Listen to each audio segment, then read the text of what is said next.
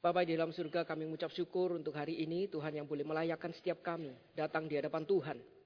Jika kami mengingat di dalam Alkitab dikatakan tidak semua orang itu bisa dengan mudah pada masa lalu berjumpa dengan Tuhan.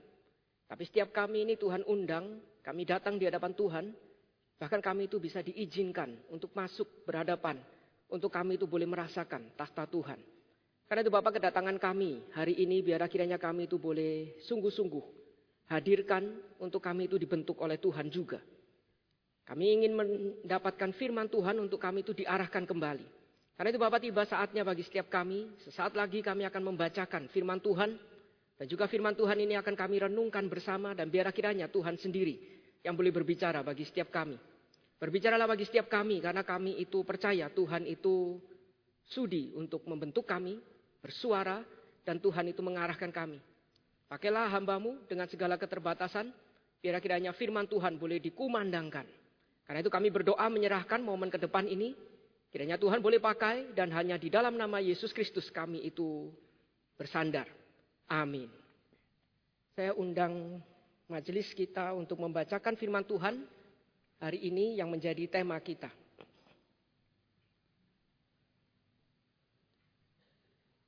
Firman Tuhan pada pagi hari ini akan diambil dari Matius 13 ayat 24 sampai 30.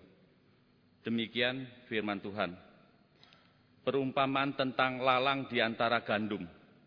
Yesus menyampaikan suatu perumpamaan lagi kepada mereka katanya. Kerajaan surga itu seumpama orang yang menabur benih yang baik di ladangnya. Namun pada waktu semua orang tidur, datanglah musuhnya menaburkan benih lalang di antara gandum itu lalu pergi. Ketika gandum itu ditumbuh dan mulai berbulir, tampak jugalah lalang itu. Lalu datanglah hamba-hamba pemilik ladang itu kepadanya dan berkata, Tuan, bukankah benih baik yang Tuan tabur di ladang Tuan? Jadi, dari manakah lalang itu? Jawab Tuan itu, semua musuh yang melakukannya. Lalu berkatalah hamba-hamba itu kepadanya, jadi maukah Tuhan supaya kami pergi mencabut lalangnya? Namun ia berkata, jangan, sebab mungkin gandum itu ikut tercabut pada waktu kamu mencabut lalang itu. Biarkanlah keduanya tumbuh bersama sampai waktu menuai. Pada waktu itu aku akan berkata kepada para penuai, kumpulkanlah dahulu lalang itu dan ikatlah berberkas-berkas untuk dibakar. Kemudian kumpulkanlah gandum itu ke dalam lumbungku. Amin.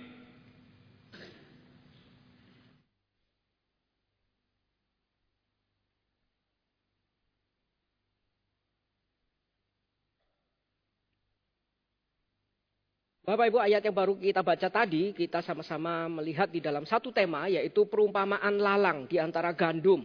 Saya berikan satu judul untuk kita itu mudah mengingat, yaitu bagaimana kita itu diizinkan Tuhan bertumbuh bersama lalang. Jadi bagaimana kita itu bertumbuh bersama lalang. Di dalam Matius 13 ayat 24 sampai 30, yaitu Yesus itu memberikan perumpamaan lalang di antara gandum.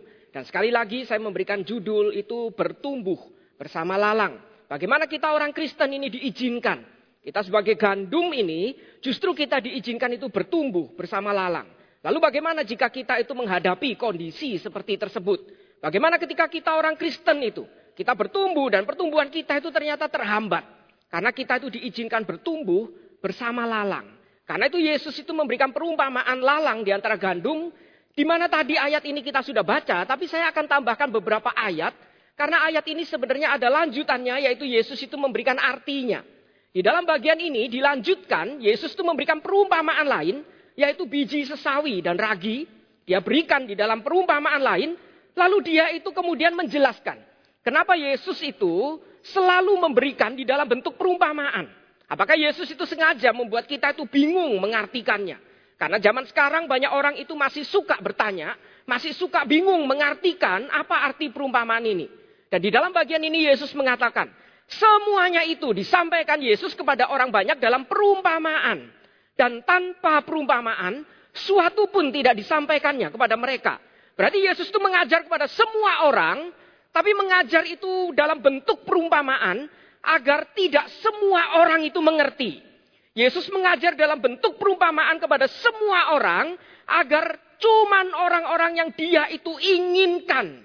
Dia bisa mengerti. Karena itu dikatakan, supaya genaplah firman yang disampaikan oleh Nabi.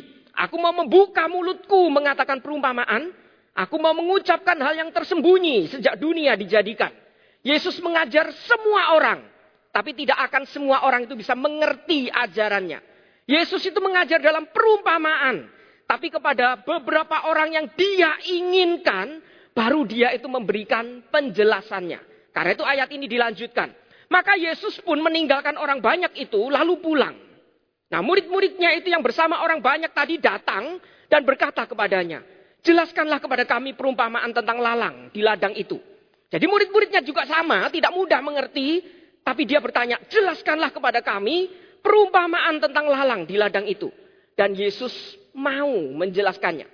Yesus mengajar kepada mereka, Yesus berbicara kepada mereka, tapi Yesus hanya membukakan kepada orang yang dia itu pilih. Setiap kita yang mendapat wahyu Tuhan, anugerah Tuhan, kepada dialah, kepada kitalah.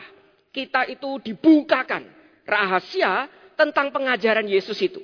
Karena itu Yesus mengatakan, ia menjawab. Dia sudi menjawab murid-muridnya dan dia berkata, orang yang menaburkan benih baik itu ialah anak manusia. Dikasih artinya. Ladang ialah dunia. Benih yang baik itu adalah anak-anak kerajaan. Yaitu semua umat Tuhan, kita-kita ini umat Tuhan yang sejati. Dan lalang itu anak-anak si jahat. Jadi dia itu adalah benih yang bertumbuh dari si jahat itu. Musuh yang menaburkan benih lalang ialah iblis. Waktu menuai ialah akhir zaman dan para penuai itu malaikat. Lalu Yesus lanjutkan, maka seperti lalang itu dikumpulkan dan dibakar dalam api, Demikian juga pada akhir zaman, anak manusia akan menyuruh malaikat-malaikatnya dan mereka akan mengumpulkan segala sesuatu yang menyesatkan dan semua orang yang melakukan kejahatan dari dalam kerajaannya. Semuanya akan dicampakkan ke dalam dapur api. Di sanalah akan terdapat ratapan dan kertakan gigi.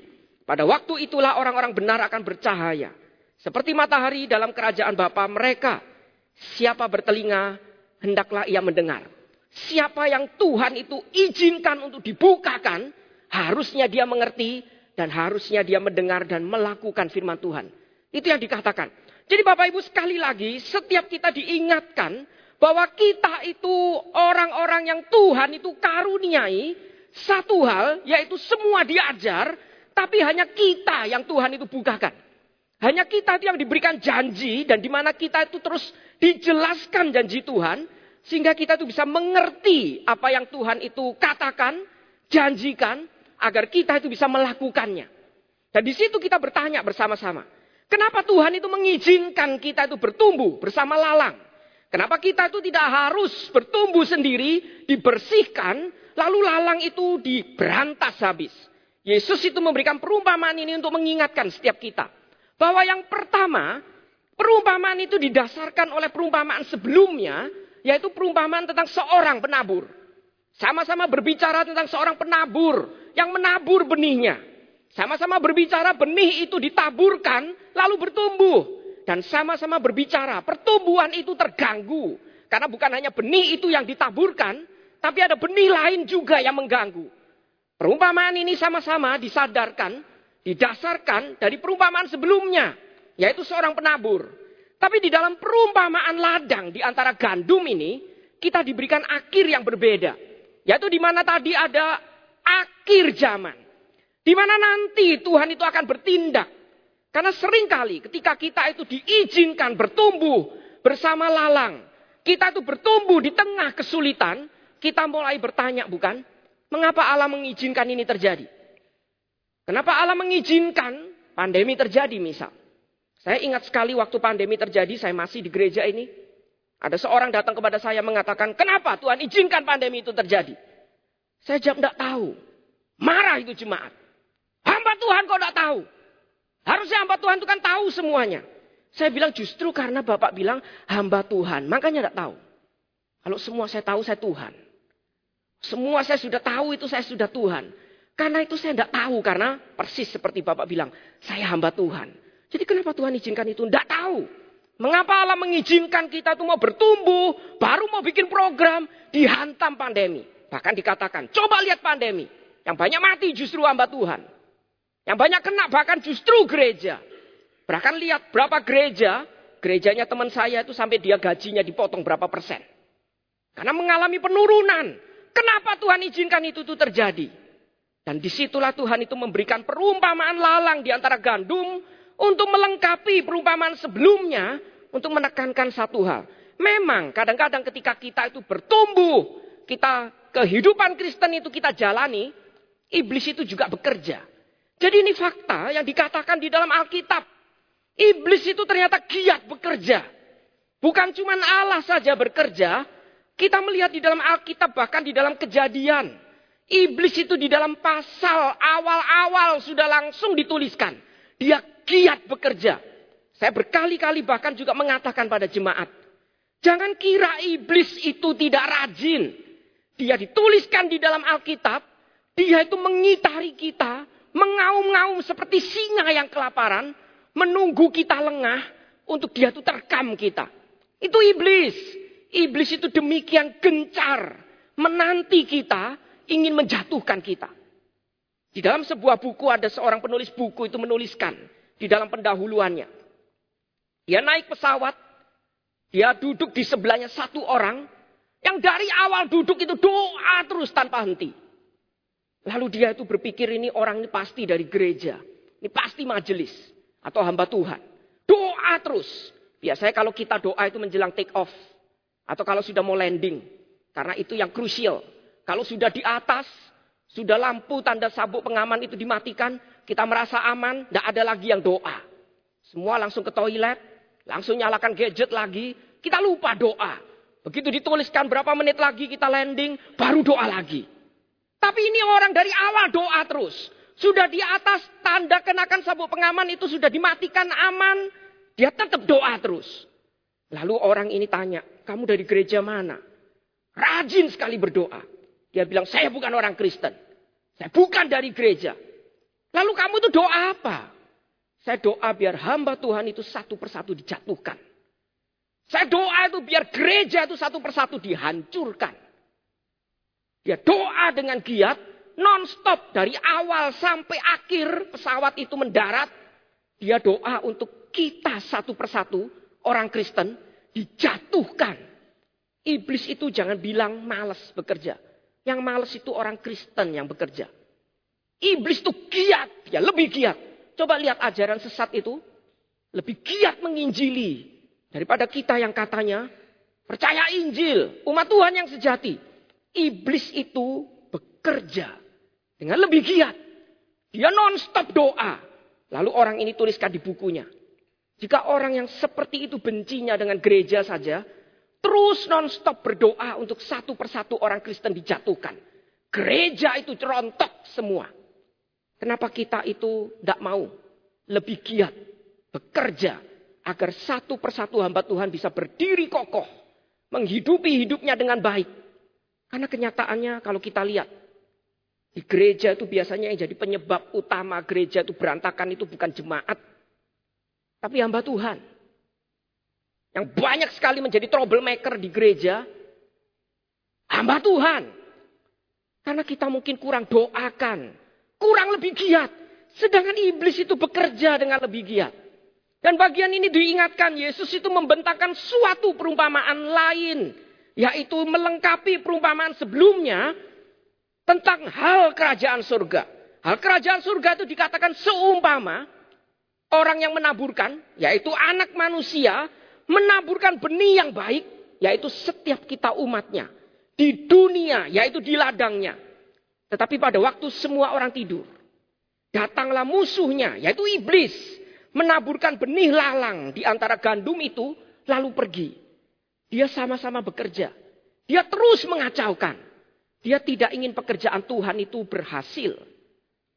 Tapi hal ini dituliskan dalam perumpamaan agar setiap kita itu dibuat mengerti bahwa Tuhan tetap akan mendampingi kita, memampukan kita melewati ini semua. Tapi kita tetap harus tahu, bukan berarti tidak ada tantangan. Pernah ada seorang jemaat itu datang kepada saya. Saya sudah jadi Kristen kok tantangan hidup saya lebih banyak. Dulu saya waktu belum Kristen semua boleh. Hidup rasanya boleh. Bebas sebebas-bebasnya. Sekarang ini tidak boleh, itu tidak boleh. Dipaksa pelayanan. Jadi orang Kristen itu tidak enak.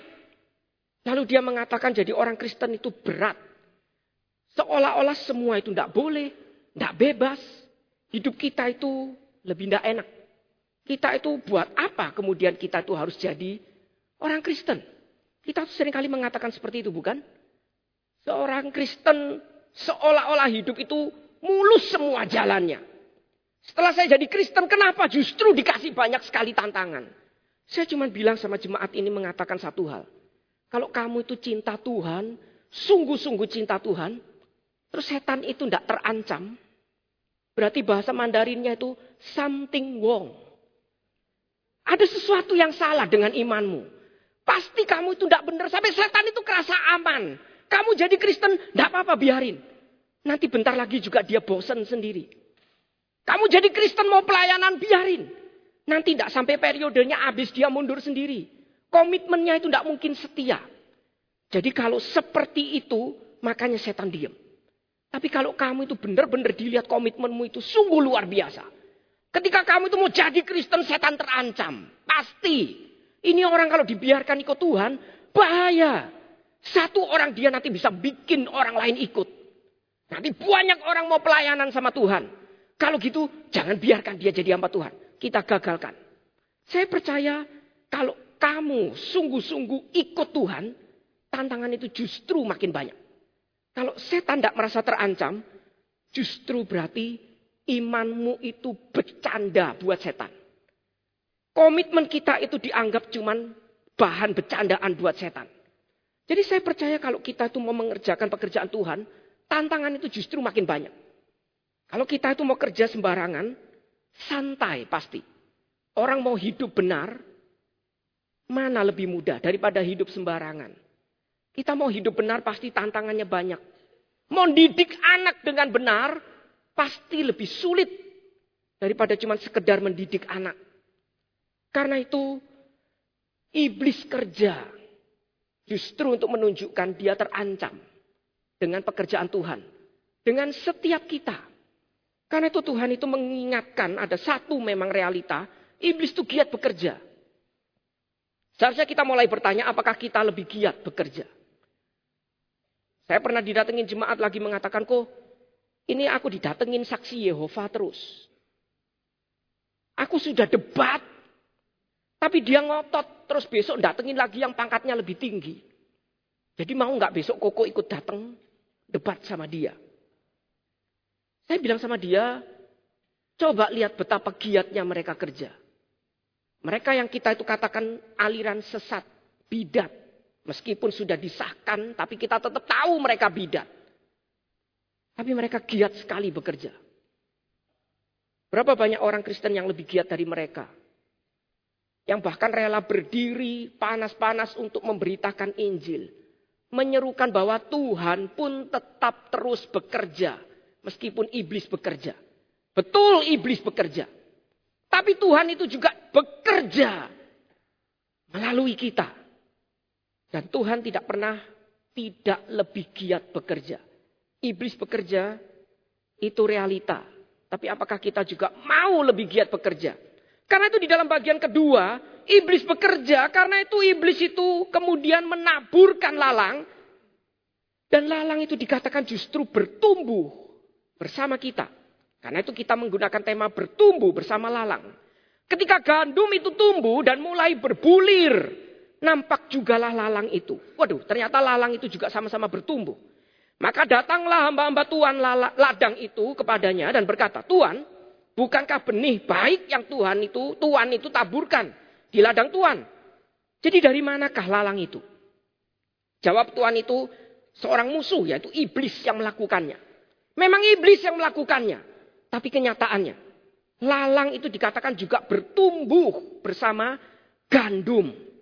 Nah ini satu realita juga.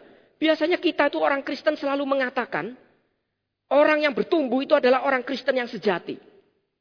Sedangkan orang Kristen yang palsu itu tidak akan bertumbuh. Dia tidak mungkin bertumbuh. Padahal bagian ini mengingatkan kita dua-duanya bertumbuh. Di tengah-tengah kita dua-duanya itu bertumbuh. Dua-duanya melayani. Dua-duanya giat.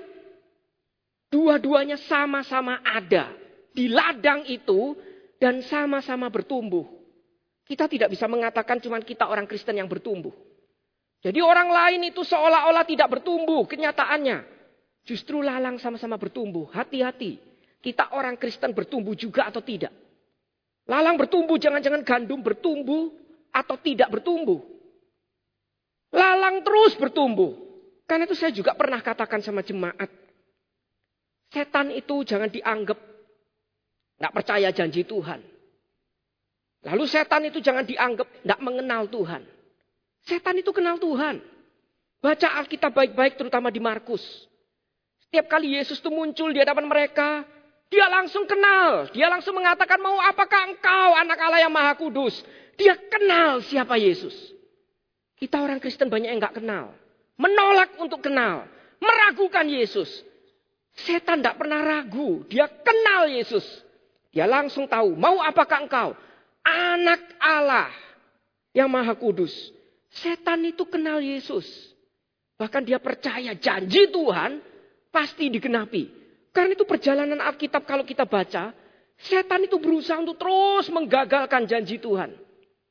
Karena itu saya selalu mengatakan kalau jemaat tidak percaya janji Tuhan, tidak kenal Tuhan, kita tuh lebih parah dari setan.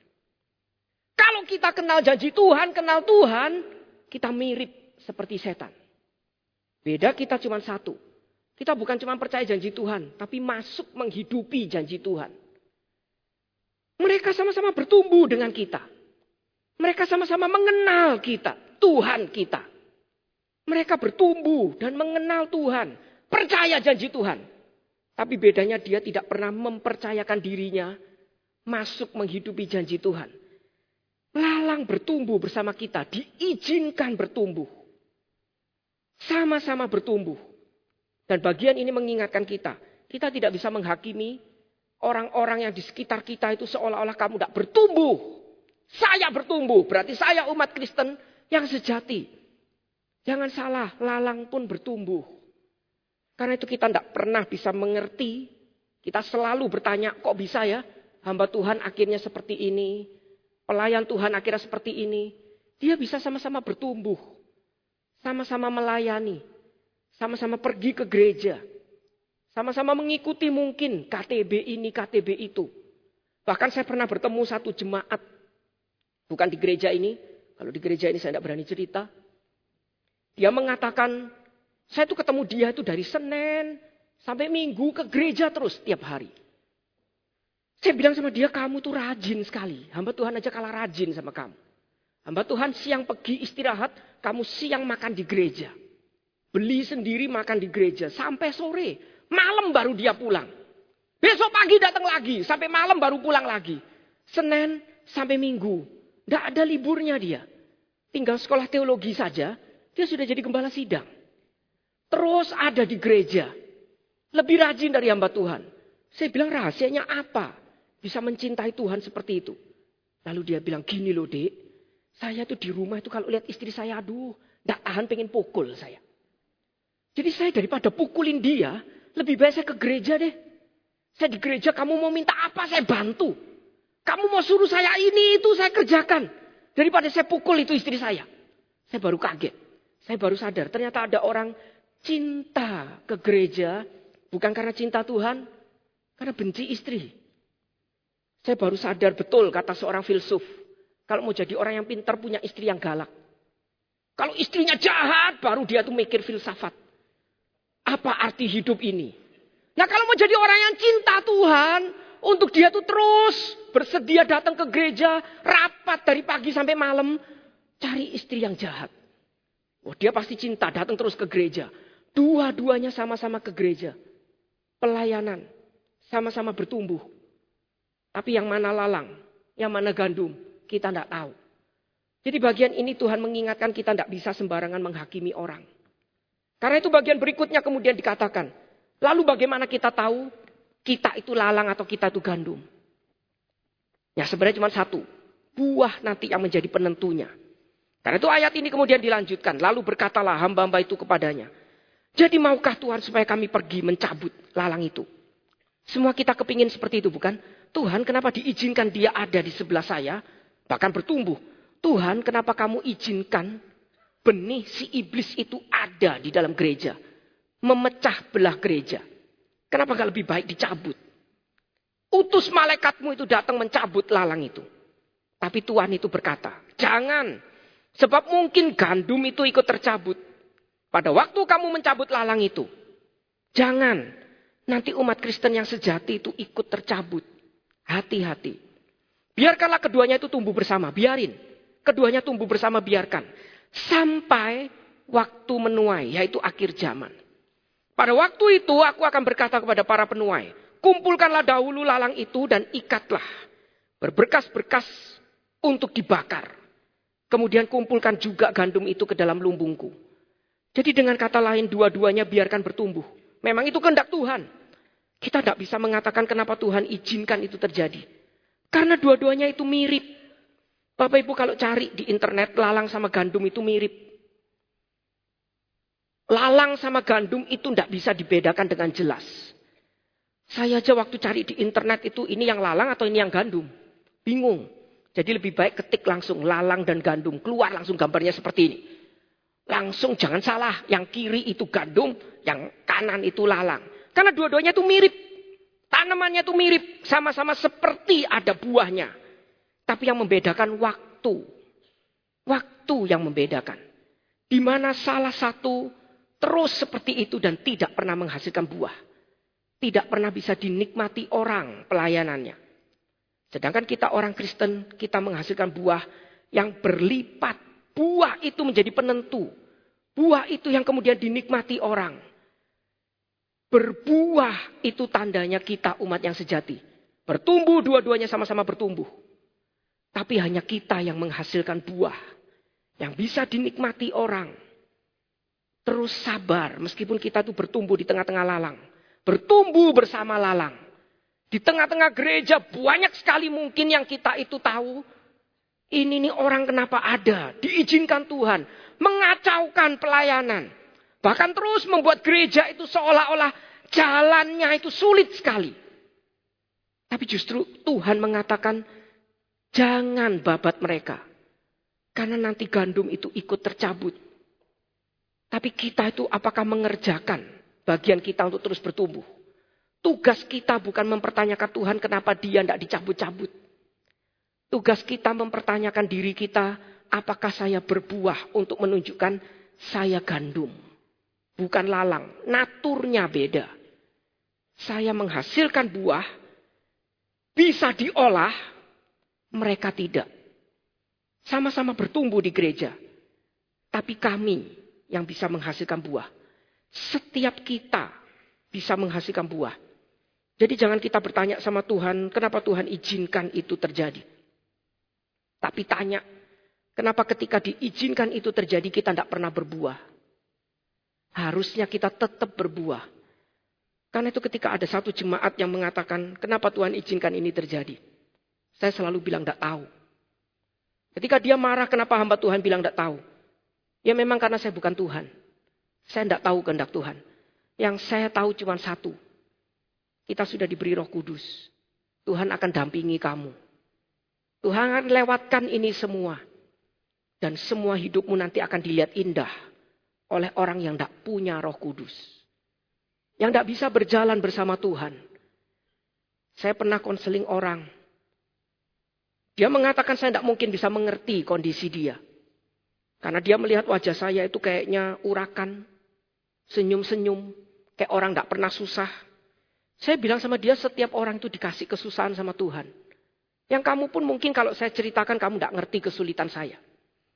Akhirnya dia cerita semua masalah dia memang betul masalah dia berat. Kemudian saya coba ceritakan versi saya. Tuhan pun pernah kasih saya kesulitan. Saya ceritakan versi saya ternyata dia berhenti menangis. Lalu dia bilang ternyata masalahmu lebih berat dari saya. Lalu dia mengucapkan kalimat berikutnya yang membuat saya itu kepingin memurkai dia. Dia bilang, kenapa kamu tidak bunuh diri saja? Masalahmu itu hidupmu ternyata lebih berat dari saya. Kenapa kamu nggak bunuh diri saja? Saya cuma bilang sama dia satu hal. Karena saya punya yang kamu tidak punya. Saya menghasilkan sesuatu yang kamu tidak pernah bisa hasilkan. Karena kamu tidak punya itu. Saya punya Tuhan. Saya nangis. Tapi saya berjalan bersama dia. Yang kamu tidak punya. Yang sekarang saya bisa hasilkan buah. Saya bisa dipakai Tuhan. Dan saya bisa sharingkan hidup saya. Dan hidup saya bisa melihat, dilihat indah karena buahnya. Yang kamu tidak punya. Justru saya sharing kepada kamu karena apakah kamu mau punya.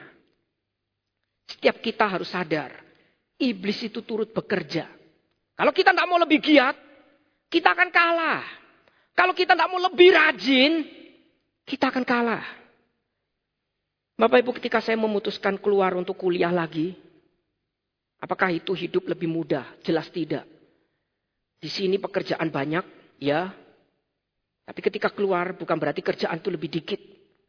Bahkan anak saya mulai mengatakan pada saya, Papa itu keluar kan mau sekolah lagi.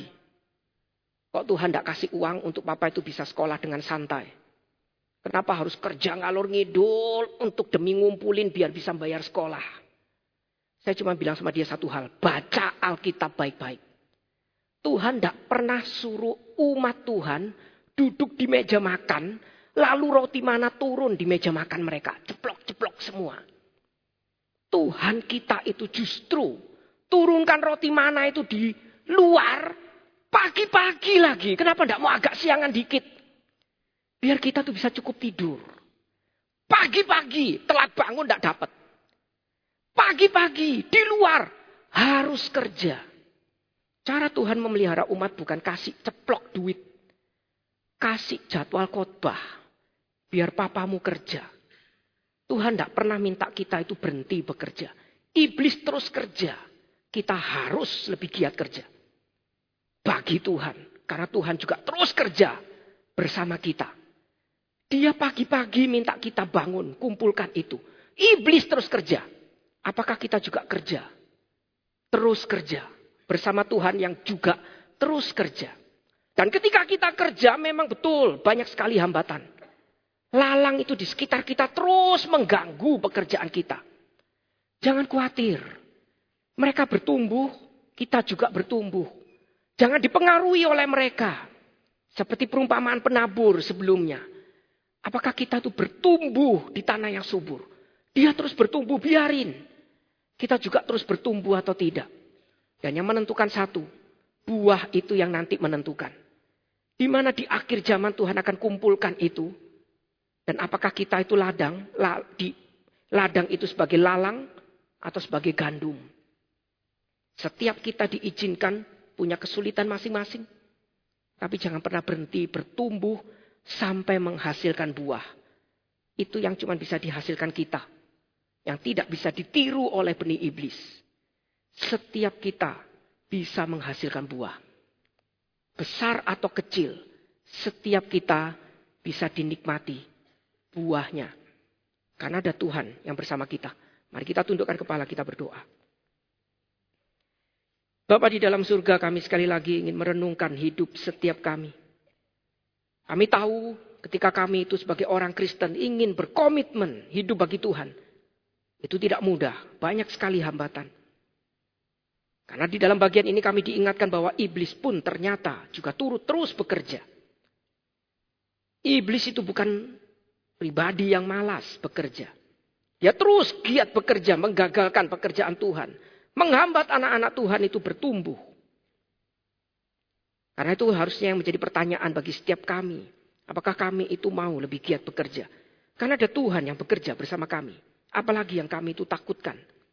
Apalagi alasan kami untuk kami itu tidak lagi mau bekerja. Dan di dalam pekerjaan kami, kami tahu banyak sekali tantangan, hambatan. Karena lalang pun bertumbuh bersama kami. Di tengah-tengah kami, di dunia. Lalang juga bertumbuh bersama kami. Bukan hanya kami yang bertumbuh di dunia, lalang pun diizinkan bertumbuh di sekitar kami. Tapi karena itulah fokus kami bukan bertanya siapa lalang, lalu kami itu menghambat pertumbuhan mereka. Tapi bukankah harusnya kami itu fokus mengerjakan pertumbuhan kami? Apakah kami itu bertumbuh di tanah yang subur? Apakah kami itu terus bertumbuh hingga menghasilkan buah pada waktunya. Pada waktu Tuhan, ketika masa akhir nanti Tuhan itu mengumpulkan kami.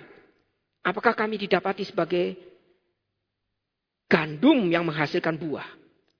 Atau lalang yang seolah-olah seperti gandum, tapi tidak pernah menghasilkan buah yang bisa dinikmati siapa pun.